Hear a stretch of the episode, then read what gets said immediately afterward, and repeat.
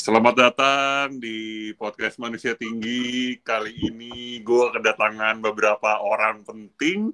Waduh. Terima kasih Pak Jokowi sudah datang. Ya, sama-sama. Lalu ada the one and only Donald Duck.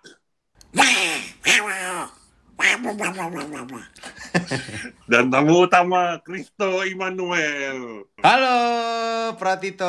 How are you? Halo Kristo. Oke, how are you toh? I'm great, I'm great. Walaupun ya sedang PPKM, kita semua tidak bisa fully great lah. Um, tapi ya, I'm, I'm pretty good, I guess. How are you? Lu gimana? Eh, gue lagi ppkm di rumah, nyokap gue positif minggu Oh, lalu, tapi lagi dirawat di rumah sakit, alhamdulillah dapet. Alhamdulillah.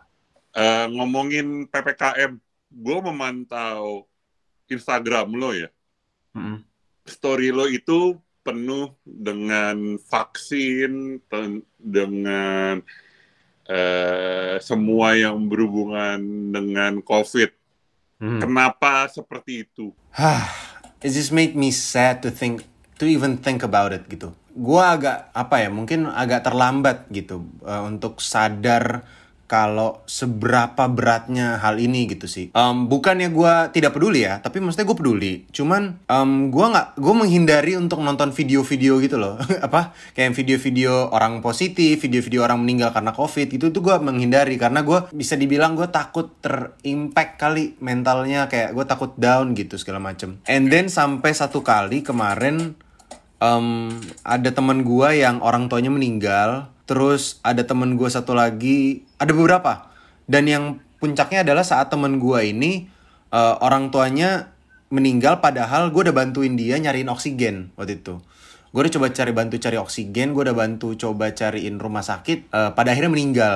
Dan yang bikin gue sedih adalah dia tuh bilang makasih karena gue udah bantuin, tapi tuh pakai smile smile emoticon gitu. Thank you ya Kristo, Eh, udah bantuin nyokap gue kemarin nyariin oksigen dan rumah sakit. Em, eh, doain kita, eh, doain keluarga kita gitu gitulah. Pokoknya tapi happy gitu loh. Gue di situ kayak gila ya, lu tuh bisa strong banget loh. Nyokap lu baru meninggal coy. Nyokap lu baru aja meninggal gara-gara covid dan lu bisa se lu bisa ngechat sehappy itu mungkin lu in real life lagi sedih ya cuman lu gak mau men- men-spread kesedihan itu ke orang lain tuh gue gue nggak tahu ya gue ngeliatnya kayak gila banget gitu lu luar biasa terus makin lama gue ngeliat di story banyak orang yang meninggal gitu banyak yang butuh vaks banyak yang masih belum tahu ambil vaksin di mana banyak yang belum eh apa namanya belum dapat oksigen terutama juga. Teman-teman dan saudara keluarga teman-teman gue juga banyak yang oksigen tuh udah di bawah saturasinya tuh di bawah 90% dan gue kayak sedih banget ngeliatnya. Sampai kemarin nangis gue gara-gara kayak gila ya segininya ya sekarang ya gitu. Gue gue sedih aja dan dan yang bikin gue pecah adalah hamin satu itu gue bikin story tuh eh, Tok. itu tuh ada salah satu orang yang gue kenal lah let's say uh, somebody that I knew yang I don't know gue merasanya sih spreading spreading um, hate I guess. Dia pokoknya ngerasa kayak um, don't get vaccinated gitu. Dan gue kayak kaget aja shock gitu loh. Dan gue habis menerima semua info tadi orang-orang yang masih bingung belum dapat vaksin orang-orang yang masih kekurangan oksigen dan lu ngomong kayak gitu gue kayak tambah down. Makanya itu yang memicu gue untuk Um, ayo yuk kita bantu sama-sama kita cari info soal oksigen, cari vaksin. Nanti lewat gua gua akan share gitu. Dan puji Tuhannya barusan banget gua bukan barusan sih dari tadi malam beberapa dapat DM tuh. "Eh, makasih ya Bang info eh, info vaksinnya anjir gua eh, mau nangis sendiri ya nginget ya. Em, bang makasih ya info vaksinnya gue jadi dapat antrian vaksin gitu. Beber dan gak cuma satu gitu dan gue di situ kayak terharu banget kayak gila ya ternyata story gua yang cuma 15 detik itu bisa membantu orang sebegitu banyak kayak gitu sih. Oke, berarti itu adalah sebuah gerakan hati lo ya. Iya sih, gue kayak ngelihat teman-teman ngelihat eh, kiri kanan ngeliat nakes terutama sih. Gue ngeliat nakes tuh sedih anjir. Gue sampai kalau nakes lewat tuh kadang mau nangis gue kayak aduh ngebayangin dia punya keluarga gitu. Tapi dia nggak bisa pulang, dia juga bisa terpapar covid, kasihan banget cuy. Sedih gue. Hmm, Sedih, sedih banget. Gue, gue tidak mau terlarut dalam Kesedihan. Iya gue juga. Oke, kita bahas yang lain. Pertama tuh yang bikin gue penasaran adalah how did you get here about your voice stuff itu Mhm. tuh mulainya gimana? I guess I was bored. Like I don't know. Nggak, mungkin uh, balik lagi ke since I was a child, I don't have many friends. Um, pretty hard for me to uh, maintain friends. Gue agak sulit untuk uh, nge-maintain teman. Sampai sekarang, sampai sekarang pun gue seperti itu. Kayak sahabat gue bisa dihitung jari dan apa intensitas ketemu sahabat gue even sebelum covid pun gak terlalu sering. Karena memang gue agak susah untuk um, gue a bit anti social mungkin bisa dibilang gitu. Dan akhirnya berangkat dari situ um, muncullah ini my imaginary friends lah. Akhirnya gue suka uh, mendalang bercerita dengan diri gue sendiri cuman ya itu gue kalau cerita kan nggak seru ya kalau nggak ada karakternya ya. Akhirnya um, kadang gue bikin karakter kan ini suara suara ganti-ganti. Tapi akhirnya impersonate ini muncul karena gue udah bisa suara ganti-ganti. Dan gue belajar bahasa Inggris saat itu gue ngeliat nonton uh, kartun. Kayak ini kok kartun suaranya beda-beda lucu banget gitu. Terus gue nonton di YouTube. Waktu itu 2000 berapa ya gue lupa. Gue kelas 6 deh. Uh, early 2010 I guess kayaknya. Ya kalau gue nggak salah ya mungkin di bawah 2010 bahkan. Gue ngeliat YouTube pertama kali dan di situ ada salah satu video yang menunjukkan behind the scene dari sebuah animasi. Dan di situ gue baru tau kalau oh ternyata satu karakter, eh beberapa karakter itu yang ngisi suaranya bisa eh, satu orang gitu.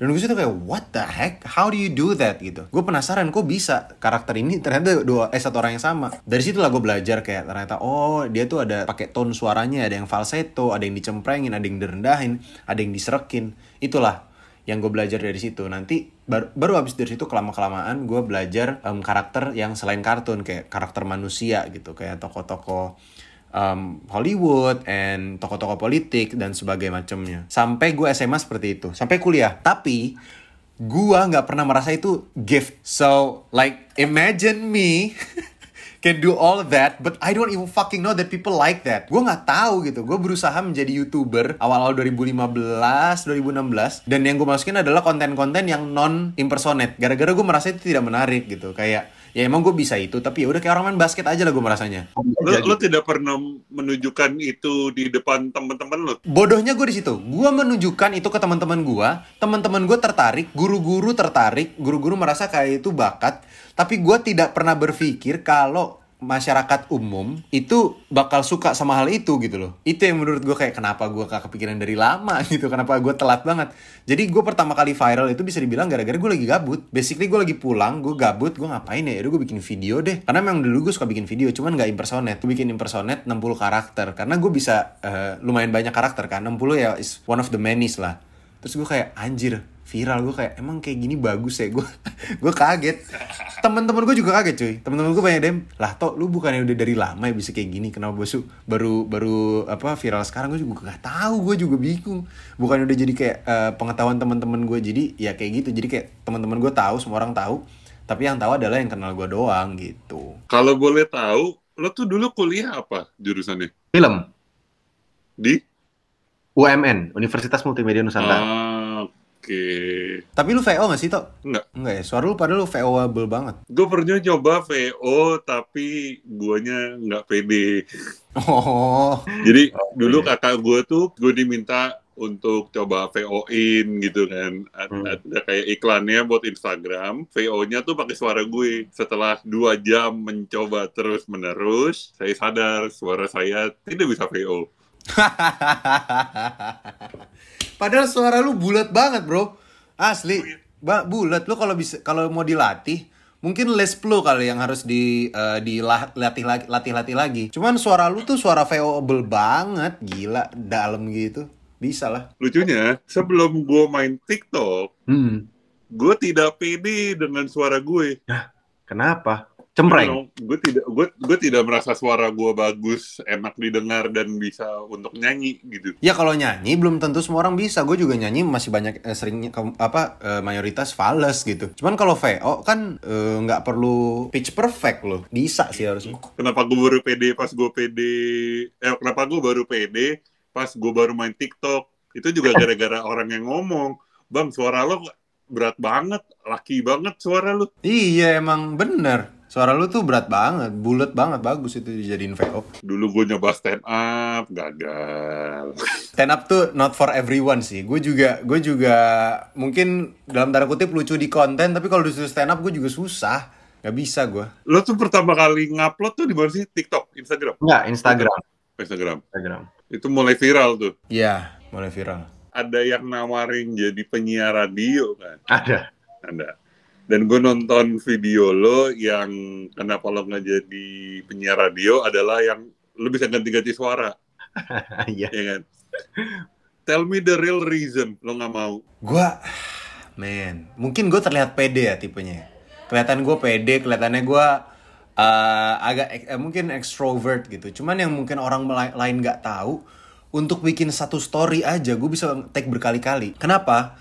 Karena gue tuh a bit of a perfectionist I guess karena walaupun 15 detik doang nih kadang gue kayak aduh kayaknya kata-kata ini kurang pas gitu. Kadang kata-kata ini, nah itu semua berputar di otak gue at the same time. Jadi pada akhirnya gue sering belibet. Makanya kok akhirnya sering tuh. Kalau misalnya gue lagi ngejokes nih, lagi ngejokes di in real life, gue mau ngomong, tapi di otak gue juga mencari kata untuk yang paling pas dari jokes itu.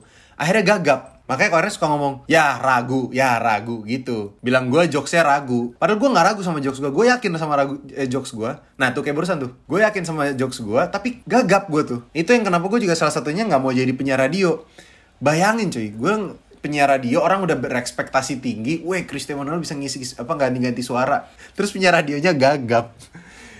Ya suruh Ajis gagap aja yang siaran, jangan saya dong. Kan agak underwhelming jadinya nanti gitu sih. Lo tuh sama kayak gue. Hmm. Kita kita sama-sama dalam konten mungkin oke lah, tapi untuk Iya. live perform tidak. Cuman bedanya lu lebih bisa mengolah suara daripada gue. Makanya kalau bisa dilihat tuh kalau gua bikin konten suka nggak suka, 80% gua nggak lucu cuy. Soalnya improv gitu, jokesnya tuh jokes-jokes yang lempar diksi-diksi gitu. Gue tuh, gue satu nggak bisa ngelempar diksi. Kedua, kadang orang lempar diksi tuh gue nggak nangkep lucunya tuh di mana sih gitu loh. Mungkin karena gue keseringan nonton jokes-jokes luar negeri kali ya. Jadi gue tuh nggak masuk kadang gitu. Makanya Yang lu gue kayak, tonton siapa? kenapa? Yang lu tonton siapa? Kalau luar? Heeh. Conan O'Brien, terus eh, Jimmy Carr, terus si Bill Burr, Louis C.K. macam-macam sih. Eh, siapa namanya? Pete Pit, aduh gue lupa lagi tiba-tiba. Russell Peters. Russell Peters ada juga tuh yang gue suka banget tuh aduh gue lupa dia, punya special di Netflix. I forgot his name. Chris Rock gue suka. Cuman ini eh, yang jenggotan palanya botak tipis gitu. Duh gue lupa lagi namanya. Ya itulah. Sama Bob Burnham. Yang paling favorit gue tuh salah satunya Bob Burnham. Gitu. Kayak gimana caranya gue mau ngelempar diksi kalau diksi aja gue nggak nangkep gue gue nggak terlalu nangkep diksi itu lucu gitu. Gimana gimana caranya kan? Kan tadi lo bilang kalau lo stand up tuh lo ragu sama jokes lo kan. Nggak tahu sih ini gue juga gagal sebagai eh, apa sebagai komik. Banyak orang yang bilang pakai keresahan. Berarti lo nggak ada keresahan dalam hidup lo. Apa gimana? Gini, gue setiap st- stand up pasti yang bukan setiap stand up kayak gue sering aja. Tapi maksudnya kalau gue cerita lucu ya, biasanya yang lucu itu adalah pengalaman pribadi aja gitu, kayak cerita-cerita lucu gitu. Tapi kalau disuruh kayak bikin materi akan sesuatu yang kayak misalnya keresahan gitu-gitu tuh, nggak tahu gue belum belum nemu formulanya kali ya, nggak ngerti juga. Tapi kalau soal keresahan sih ada. Tapi justru keresahan ini akhirnya gue malah lebih jago nge-craftnya dalam bentuk video instead of stand up. Contohnya misalnya gue resah soal koruptor. Akhirnya gue bikin videonya tentang koruptor sekarang udah udah nggak di penjara lagi tapi masukinnya dalam villa. Jadi bentuk bentuk penjaranya adalah villa karena percuma juga masukin penjara. Orang di penjara eh, kamarnya spesial ada AC-nya ada laptopnya kasurnya king coil gitu. Yang ngapain? Yang mendingan langsung sekalian aja udah di tempat bagus orang masyarakat juga udah tahu udah udah rahasia umum gitu. Makanya kemarin gue bikin video itu kan. Gue bisa menyebut lo voice actor, eh, voice actor nggak sih? Sure, sure, you can. Ada berapa orang Indonesia beberapa sorry sorry anjing gue patah-patah begini nih kalau ngomong nih Gak apa-apa bro, sama kita. berapa orang Indonesia yang bisa lo tiruin Ah, damn, that's a good question. Fucking, Pak Jokowi. Pak Jokowi, ya pasti kan Pak, Pak Jokowi, Pak Ahok, Pak hmm, Mario Teguh. jadi Kobusier jangan ya gue me- tidak menganggap lo bisa menirukan dia Oke, fine. Um, Lucinta Luna, Keanu, Keanu AGL, agak sedikit sih ma- ma- majority. Kenapa gitu? Nih, ini ini alasannya. Mungkin banyak orang yang gue jarang ceri- Banyak. jarang cerita ya. Em, kenapa gue lebih susah untuk menirukan suara Indonesia daripada orang luar negeri? Karena gini, Indonesia itu aksennya nggak banyak. Yang terkenal ya, maksudnya eh, orang terkenal, orang-orang terkenal itu aksennya nggak banyak. Aksennya kalau nggak Jakarta, Jawa udah. Coba lu sebutin deh satu artis artis besar selain eh, Hotman Paris yang aksennya Batak. Susah kan? Maksudnya gini, kayak menurut gue tuh aksennya tuh tidak terlalu banyak. Nah, gue plusnya kalau di luar, gue nggak bilang kalau luar negeri itu lebih bagus dari Indonesia ya. I'm not saying that. Oke. Tapi maksud gue lebih mudah untuk gue banyak-banyakin suara karena gini. Sebenarnya suara gue nggak banyak, tapi gue jago ngombinasiin. Kayak lu dengan satu suara, ubah aksen itu udah jadi dua orang yang berbeda gitu. Itu, itu tuh, itu tuh eh, membantu banget untuk gue menambah banyak su- warna suara. Eh, itu menurut gue. Berarti menurut lo orang-orang Indonesia itu yang public figure ya, suaranya tipi apa? Tipikalnya dikit gitu. Em, bukan suara tipikal dikit tapi aksennya tidak banyak aksennya jadi kayak em, artis-artis ibu kota kan mayoritas aksennya Jakarta. Jakarta atau Betawi, udah gitu loh. kayak misalnya nih kayak Anu gue bisa niruin kayak Anu kenapa ya gara-gara dia nyablak Betawi banget gitu. Coba. kagak deh gue capek gue ngomong mulu nyap nyap mulu sakit hati gue capek gue nah gitu kan kayak Anu nah karena dia ada ada ada itunya tuh Tipikal itunya. Kalau lu cinta Luna kan ya karena suaranya beda banget kan. Kayak, Iya. Ya kalau lu cinta Luna kan kalau ngomong kayak gini. Kayak aku gak sabar, aku gak pernah marah-marah, buat apa juga. gitu kan. Anjing mirip lagi. Mirip kan? itu mirip. Itu mirip asli ya Allah. Nah itu, gua rada susah aja di situ sih, Pak. kayak Raffi Ahmad disuruh niruin suara Raffi Ahmad dong bang gak bisa susah banget Berarti ini bukan hanya masalah high tone, low tone gitu-gitu. ya? itu juga cuman nggak cuman itu gitu maksudnya ya, ya bener kata lu sih nggak cuman itu bener karena eh, itu itu penting tapi ada faktor aksen ada faktor lu taruh lidah lu di mana ada faktor em, patternnya orang itu seperti apa itu juga ngaruh banyak banyak banyak faktor Sorry, ini ngulang lagi. Orang-orang luar itu faktor-faktornya lebih gampang dipelajari. ya menurut gue pribadi iya menurut gue pribadi. Faktornya apa aja sih? um, accents.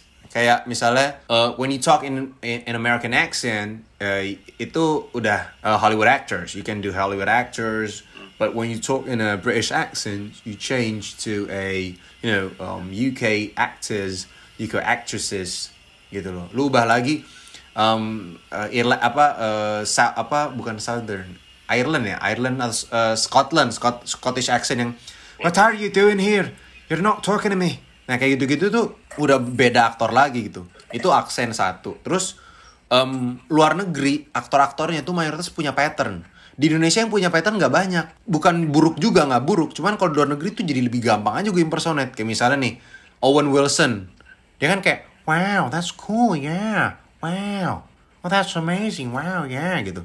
Kalau misalnya em, Obama misalnya Obama kan kayak Uh, well, uh, my fellow Americans, uh, thank you for uh, coming here uh, to the White House. Uh, thank you, gitu. Dia udah ada kayak, uh, well, oh, gitu.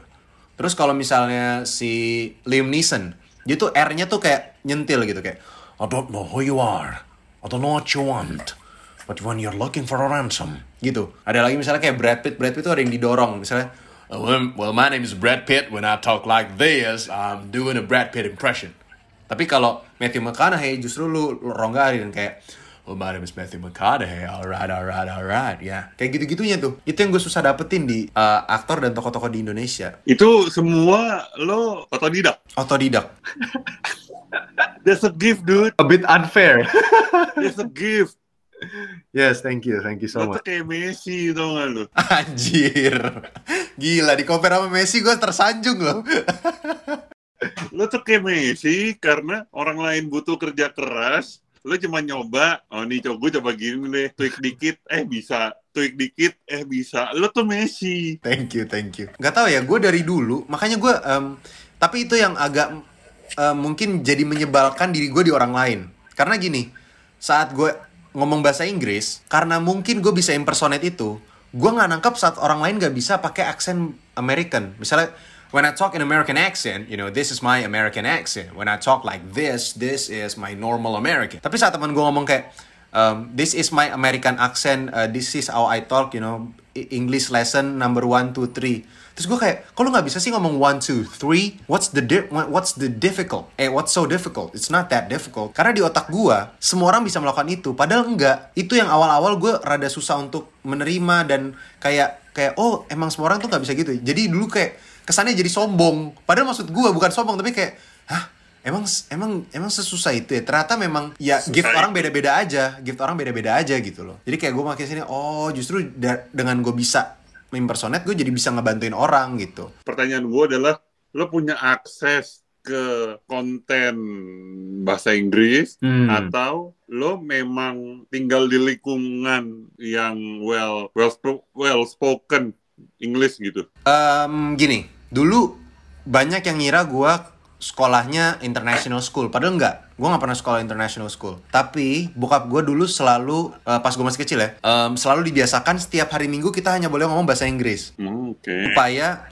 bahasa Inggrisnya bagus nah cuma bokap gue itu Inggrisnya Inggris Singapura Jadi One one lah. I want Iya, to take that walaupun- one lah. walaupun orang Jawa tapi kalau bahasa ngomong bahasa Inggris gitu ah cannot lah that's not possible gue kayak oke that's not possible lah. What you talk you don't make sense lah. Kayak oke dad sure. Um, gitu. Jadi em, eh, dari situ awalnya berawalnya nah terus gue dulu dipasangin sama nyokap Indovision.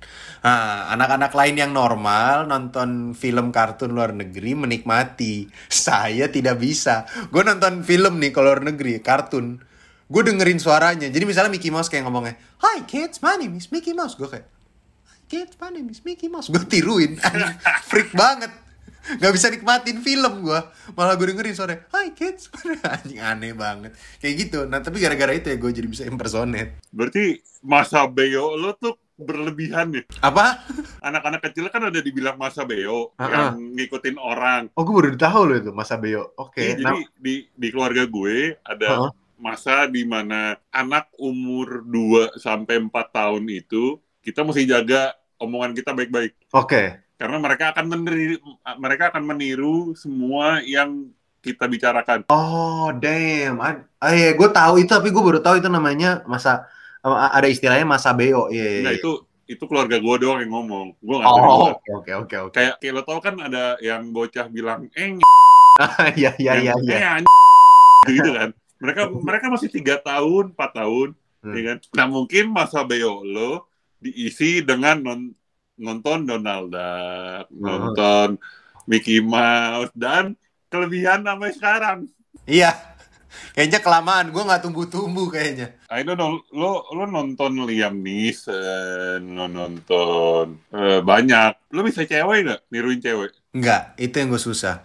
Nah, tapi em, seiring berjalannya waktu, akhirnya yang tadinya otodidak gue jadi belajar beneran toh. Jadi kayak suara cewek itu gue belajar, tapi belum dapet dan itu susah banget. Jadi kalau suara cewek itu adalah em, salahnya orang kalau suara cewek banyak kan falsetto kan kayak, Hai aku perempuan, hai hai gitu. Sedangkan kalau dipelajari suara cewek itu bukan lu di falsettoin, tapi suara lu taruh di atas ini, kayak di paling atas terus taruh di belakang, terus lu put a valley girl accent kalau gue. Jadi kayak So this is my girl voice when I talk like this. Is a girl voice, you know? Crazy. Oh my god, that's crazy. Are you talking to, are you talking to me? Oh my god. jadi kayak Kim Kardashian gitu loh. Itu anak senopatinya New York tau nggak lo? Anak senopati New York. Can I get some vodka? Oh my god, you're crazy for making me drink that. Oh my god, really? Yang Oh yeah, anak-anak, really? yang anak-anak, Huh? Yang spoil bread orang-orang Iya, kaya gitu. Spoiled brat orang-orang kaya. biasanya white girl gitu white girl gitu kayak yang bawa bawa, bawa tas Chanel gitu kayak This is my new bag. My my daddy got it. Iya, kayak jadi gadit. Gue jadi ingat ini tau lo? Two broke girls. Ya, broke girls. Nah, Tahu. ceweknya tuh lu itu. Iya iya iya iya. iya. Wah, gila banget sih. Kalau lo ini, sorry, artis Meksiko bisa nggak yang Latin-Latin gitu? nah kalau Meksiko itu itu sebenarnya jadi poin plus kalau misalnya gue bisa lebih banyak bahasa pasti lebih banyak lagi yang bisa gue tiruin cuman em, untuk artis Meksiko sampai sekarang gue belum sih paling cuma em, aksennya doang kayak aksennya Gus Fring lu tau Gus Fring nggak Enggak, Gasnya Breaking Bad. enggak. nggak- Gue nggak nonton itu. Oh iya, kayak gitu-gitu. Jadi em, untuk bahasa gue belum dapet. Karena gue jujur kayak kalau belajar bahasa tuh gue pengennya bisa sampai orang luar dengerin gue, dikira gue orang di situ gitu. Gue pengen gitu. Kayak dulu pas gue ke Thailand, gue sempet selama dua minggu belajar bahasa Thailand. Demi gue di sana kayak bisa ngomong how are you, how much is this gitu-gitu doang. Terus gue pelajari sampai dialek-dialeknya. Terus gue kan pagi-pagi nih ya ketemu sama concierge gitu, eh, apa eh, resepsionis lah di hotel. Terus gue kayak uh, how are you in bahasa Thailand which gue udah lupa karena udah lama kan gue kayak intinya kayak kap kun ka gitu kan nah terus gue ngomong agak panjang terus dia ngajak ngomong panjang banget banget gitu ke gue bahasa Thailand terus gue kayak gue kagok dong "Eh, eh, eh, I'm sorry I can speak Taiwanese eh Thailandese Lu tau gak sih gue kayak anak yang gak bisa bahasa Inggris. Iya, Tapi iya. gak bisa bahasa Thailand. Gue kayak uh, terus dia kayak oh I thought you from Tha- I thought you from Thailand. You your Thailand very good. Gue kayak thank you but I can't dude. I'm sorry. Berarti masal memori lo bagus ya? That's probably yeah muscle memory muscle yeah, yeah, yeah. terutama di bagian mulut kayaknya deh kalau ngomong-ngomong gitu gue jago. Tapi kalau main basket bola ah itu muscle-muscle tangan muscle-muscle kaki tuh ha, jangan pernah ajak saya main basket dan bola. Berarti lo tidak pernah olahraga? olahraga gue workout eh, terus skipping gitu lompat tali kadang atau nggak lari sama berenang sih favorit gue tapi kalau udah bola basket gue aduh sorry bro gue nonton aja daripada gue jadi beban hidup lu. Nggak gue gue pribadi gue nggak bisa menikmati eh, bola. Gue kayak bingung apa sih nikmatnya nonton bola tuh gue nggak nangkep loh. Sumpah gue bola basket rugby tenis bulu tangkis gue nggak gue nggak bisa ngelihat apa serunya dari sini tapi gue ngerti orang lain kenapa suka itu gitu Eh, gimana, gimana, gimana? Lo Gini. ngerti, tapi lo nggak bisa lihat serunya di mana? Iya, gue bisa, gue ngeliat bola kayak Hmm. gue nak, gue nggak ngerasa ini seru, gue nggak ngerti ini serunya di mana sih. Tapi gue ngerti kenapa orang lain bisa suka itu karena gini, istilah kan gini, ini ada satu bola direbutin banyak banget untuk mendapatkan skor.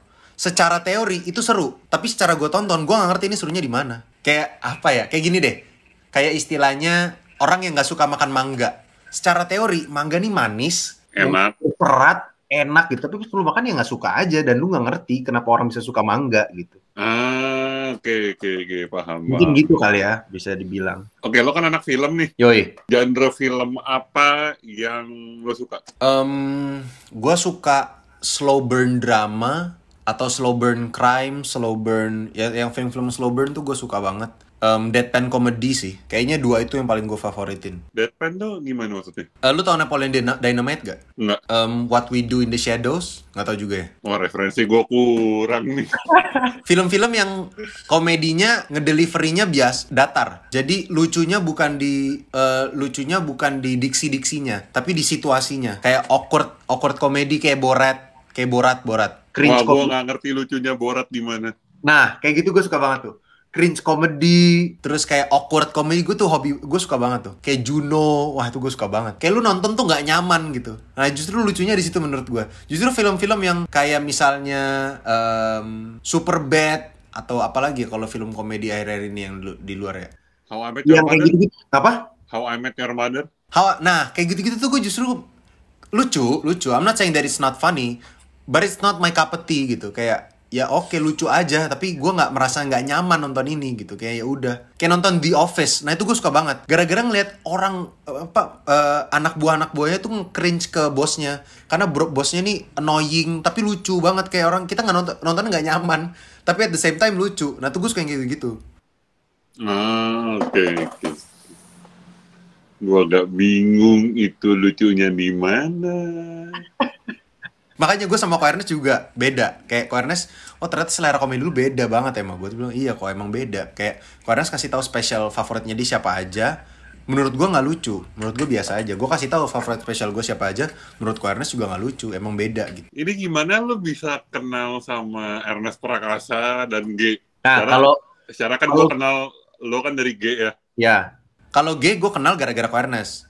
Gara-gara gue masuk Hakor kan. Nah kalau Ko Ernest gue kenalnya dari sebenarnya satu post gue ada itu gue bikin um, impersonating Voldemort. Waktu itu istilahnya kayak apa ter- apa yang akan terjadi kalau gue berteman dengan Voldemort. Bukan Voldemort sih. Apa yang terjadi kalau gue berteman dengan orang yang mukanya persis plek-plekan mirip Voldemort. How awkward it would be. And I made it in a uh, into a video. Video itu Ko tonton. Menurut Ko secara penulisan that's my best script so far gitu waktu itu ya. Menurut dia itu lucu banget. Komedinya pas, timingnya pas, karakternya juga well played. Nah dari situlah Ko Ernest jadi merasa kayaknya gue punya interest in movie. Yang waktu itu Ko Ernest belum tahu memang kalau gue kuliahnya kuliah film. Akhirnya dari situlah Ko Ernest hubungin gue, ngajak gue ikut H-Corp.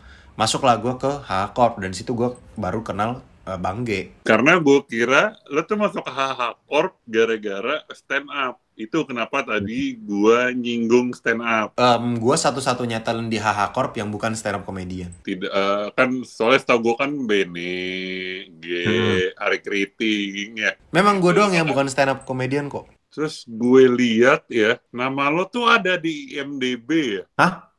Ada. Sumpah, gue aja nggak tahu loh. Nama lo tuh ada di IMDb, Twisted, Living Elvis, Teka-teki Tika. What the hell? Ada. Gue nggak tahu bahkan cuy. Oh anjir ada. Christo Emmanuel. What the fuck? I didn't know this. Ada empat karya lo. Dua aktor, satu Astrada, satu self. Mereka kurang satu. Gue ada satu jadi voice actor di filmnya Susi Susanti. Jadi Pak Soeharto waktu itu gue. Coba, so. Pak, Pak Soeharto. Mari, mari. Lo ada rencana mau bikin film nggak sih, tuh? Uh, that's my big goal, honestly. Eh, sebenarnya sorry. Jadi memang gue salah satu alasan mau ikut H Corp itu karena gue pengen eh, kerja sama bareng Ko Ernest. Gue pengen belajar dari dia juga. Yang pada akhirnya gue bisa mendirect film gue sendiri. Memang tujuan gue itu kok. Gue rencananya mau bikin film. Cuman memang dalam waktu singkat gue pengennya bikin beberapa film pendek dulu. Film pendek. Hmm, hmm. Kenapa nggak web series? Kan lagi hype tuh. Gue kemarin udah bikin web series 2020, tapi itu web series gue bikin uh, low budget banget itu cuman yang bikin gue dan adik gue doang. Em, dan nggak tahu gue kayak udah seru gitu ngalamin bikin web series. Sekarang pengen bikin film pendek aja gitu. Well, gue kaget sih lo nggak tahu ada nama lo di IMDb. Gue nggak tahu cuy, gue aja kaget ternyata ada. Soalnya gue di Wikipedia aja nggak ada gue. Jadi gue kaget ah di MDB ada aneh banget. IMDb tuh lebih ah, leb- lebih detail daripada Wikipedia. Hmm. Nama gue aja ada di IMDb. Oh, ada. Ada. Anjir gue cari di Google Pratito Wibowo yang paling atas Pratit Pratito Wibowo tinggi. Iya. Tinggi lu berapa emang? 2 meter 10. Holy freaking shit. Tinggi banget anjing. Gila 2 meter 10. What the fuck? Itulah Ah, kenapa udah- Hah, sumpah lu 2 meter, lu 2 meter 10. Gila, gue punya teman 1,9 meter aja gue udah dongak. Lu 2 meter 10. Anjir. Ya lu berarti eye catching banget ya kalau jalan-jalan ya. Eh, lu punya cewek nggak? ada Cewek lu seberapa lu? pacar gue. Tuh, nah tuh dia. Anjing tinggi banget coy. Gue penasaran tahu kalau orang setinggi lu tuh rasanya apa gitu ngeliat semua orang di bawah gitu. Rasanya gini. Sorry, sorry, sorry. Nih, nih, nih pertanyaan menarik nih sama lo nih. Kan tadi lo bilang, kok lo gitu aja nggak, bi- kok lo gitu aja nggak bisa sih? Emang sesusah itu ya ngomong Nah. ber- eh, apa American English? Ya, ya, ya. kalau gue ngerasa gue ketemu semua orang ini paling beda cuma dikit ya eye levelnya nggak jauh-jauh banget lah ternyata tidak Jauh banget ya. jauh banget Karena susah juga kita menaruh diri kita di perspektif orang lain ya nggak sih? Karena kita dari kecil hidupnya begitu gitu loh. Tiba-tiba dibilang kayak, ah lu nggak bisa. Kan gampang gitu di otak kita tuh gitu. Sampai harus disadarkan baru kalau oh ternyata susah ya gitu. oh ternyata emang gue tinggi ya Iya, emang ternyata emang impersonate tuh nggak bisa buat semua orang gitu. Terus sih begitu di belakang baru. waktu gue SMA nih gue ngelihat teman-teman gue pada main futsal pada main basket gue ngelihat eh, sepatunya gede nih ya beda-beda dikit lah sama gue pas gue coba jauh dong Sepatu lu berapa? Empat berapa? eh sudah tidak main kepala empat Bohong, sumpah. Iya. Anjir. What the fuck? Udah nggak main pak? Hah? Hah? Anjing, gua kaki gua 45 aja orang-orang pada bilang gede. Lu berapa, Jing? 51. 45 45 gue SD kelas 6 45 SD kelas 6, coy. Iya, 45 SD kelas 6 Anjing.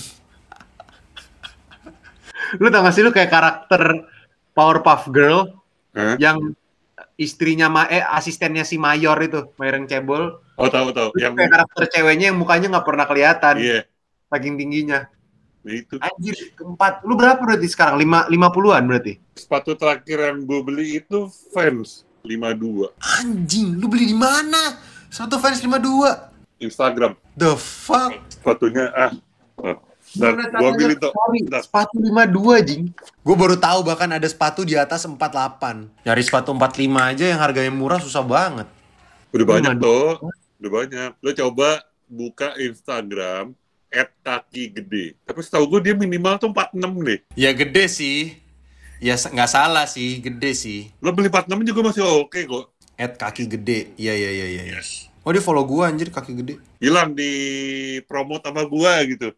Biar kalau gue beli sepatu diskon, gue udah beli gue udah beli 5 sepatu toh Di situ, di kaki gede itu. di situ. Dan lo tahu nggak sepatu terakhir yang gue beli apaan? Apa? Sepatu bola. Berapa ukurannya? 52. Iya, Habis berapa lo? 900 Oh, not bad ya. Untuk ukuran kaki gue ya. Not bad banget itu 900 gila, murah loh. Not bad at all.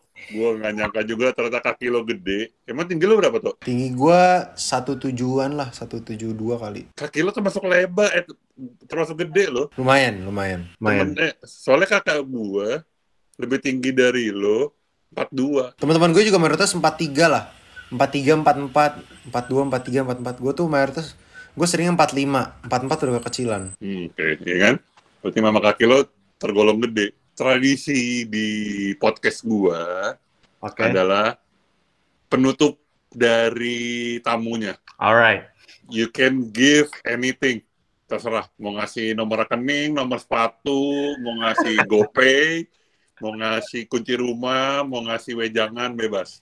Oke. Um, mungkin gua nggak tahu lu dengerin ini pas kapan. Mungkin lu bisa mendengarkan ini eh, satu minggu setelah hari ini atau empat tahun dari sekarang. Tapi kalau lu dengerinnya baru satu minggu dari ini, eh, please get vaccinated. Please jaga jarak. Please pakai masker. Please um, taati protokol karena nggak cuman gua doang, gue yakin semua orang di dunia ini bahkan pengen pandemi ini cepat kelar. Em, please jangan egois karena yang terdampak ini banyak galang eh, eh, apa banyak golongan mau dari yang besar sampai yang kecil, terutama yang kecil. Teman-teman kita yang hidupnya dari jualan bakso, dari jualan batagor, dari jualan starling itu terdampak banget dengan mereka nggak bisa jualan dua minggu doang. Karena mereka tuh banyak yang nyari duit tuh buat sehari-hari, bukan buat satu minggu gitu. Kayak sehari itu buat sehari itu makan. Jadi kalau nggak nggak kerja ya nggak ada makan gitu sih. So yeah, please everyone um, taati protokol and get vaccinated and God bless you. Oke. Terima kasih Kristo Immanuel, terima kasih Pak Jokowi yang dari tadi dia. Sama-sama ya. Bapak lagi ngurusin vaksin ya Pak ya? Ya ini capek saya, ndak ada eh banyak yang ndak mau vaksin ini ngeyel. Oke, baiklah. Eh, demikian episode kali ini. Sampai ketemu di episode selanjutnya.